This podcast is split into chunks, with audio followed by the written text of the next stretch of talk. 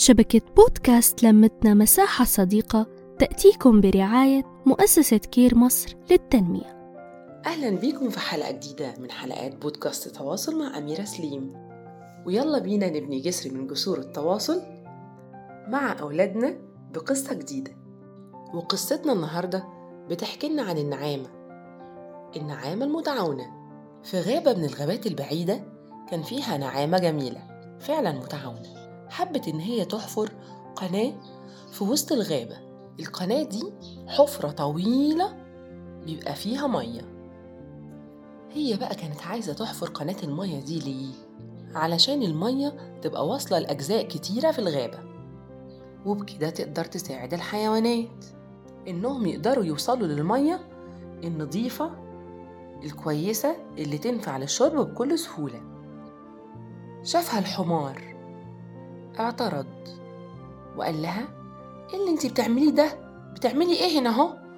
ده مكان استراحة للحيوانات كلنا بنرتاح هنا ما ينفعش تعملي هنا هو قناة المية. ده من أحسن الأماكن اللي موجودة في الغابة. اللي إحنا كلنا بنستريح فيه وبنحس براحتنا هنا وبنتبسط هنا.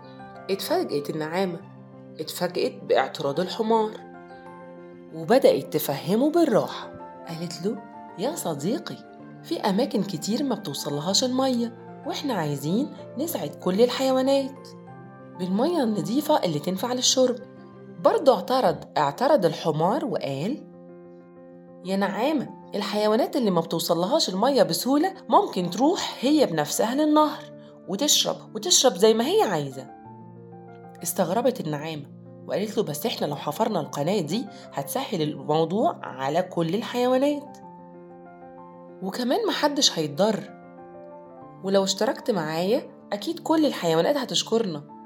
الحمار قال لها والحيوانات ديت مش كلها هتوافق. الحيوانات دي أكيد هتلاقي منها المعترض وهتلاقي منها الموافق. لأن في حيوانات كتير حابة إن يكون ليها مكان للاستراحة. ردت النعامة وقالت في أماكن كتير تنفع تبقى مكان للراحة. فضلوا يتناقشوا كتير. وبعد جدال قرروا إن هم يروحوا للأسد ملك الغابة عشان يحكم بينهم. راحوا للأسد هما الاتنين. وعرضوا الأمر على الأسد بكل هدوء. رد الأسد وقال الغابة ملك الجميع ولازم كل طرف يراعي التاني. ولأن الموضوع دوت يخص كل الحيوانات فلازم نسألهم ونشوف هما هيقبلوا إيه وهيرفضوا إيه. جه الذئب اللئيم في ودن الأسد وقال يا مولاي القناة دي لو اتحفرت هتأثر على حصتك في المية اللي بتاخدها من النهر. رد الأسد وقال لكن القناة دي هتفيد حيوانات كتير لازم نسأل الكل. رد الذئب وقال بس أنت ملك الغابة وتقدر ترفض وكمان تفرض رأيك على النعامة. وتبعت الفكرة دي خالص. وفضل يزن يزن يزن لغاية الأسد ما اقتنع. وبعد ما كان هادي اتعصب جدا. وكلمها بصوت مرعب. وقال لها الفكرة دي انسيها خالص. أنا قررت إن مفيش قناة هتبقى موجودة في الغابة. ولو لقيتك تتكلمي في الموضوع ده تاني أنا هتغدى النهاردة بيكي. اترعبت. اترعبت النعامة من قوته ومن صوته ومن طريقته. وخافت. وهنا الحمار استغرب وسأل الأسد يا مولاي مش أنت قلت إن أنت هتسأل كل الحيوانات بتوع الغابة؟ وهتشوف رأي الأكتر موافق ولا رافض؟ بصله وابتسم وقال له أنا اقتنعت برأيك قوي أنت عبقري أنا مش هسأل حد وهمنع النعامة إن هي تتكلم في الموضوع ده تاني. سكت الحمار شوية وفكر وقال له بس من حق النعامة إن هي تفكر وتقول رأيها في أي حاجة. استغربت النعامة من رد فعل الحمار لأنها كانت متخيلة إن هو رافض فكرتها ومش هيقف جنبها ولا هيدافع عن رأيها. الذئب اللئيم في ودن الحمار وهمس وقال له خلي بالك إحنا لو عرضنا الموضوع دوت على الحيوانات الحيوانات ممكن توافق ممكن توافق على اقتراح النعامة وتتحفر القناة اللي انت مش عايزها وبكده تبقى النعامة انتصرت عليك. قال له أنا مش موافق أنا مش موافق على اللي بتقوله النعامة لكن لازم أقف جنبها وأدافع عن حقها في إن هي تقول رأيها. غريب قوي الذئب ده.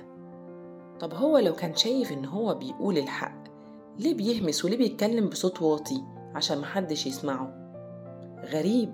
هو لو عارف إن هو بيقول الحق أكيد مش هيهمس. وأكيد مش هيتكلم بصوت واطي عشان محدش يسمعه. أكيد كان هيتكلم بجرأة وهيقول رأيه بصوت عالي. الحمار فضل ينهق بصوت عالي وجمع الحيوانات عشان يسألهم عن رأيهم في حفر قناة للمية. وقال لهم إن دي فكرة النعامة. وقال لهم كمان أنا بجمعكم عشان أشوف رأيكم رغم إني مش موافق.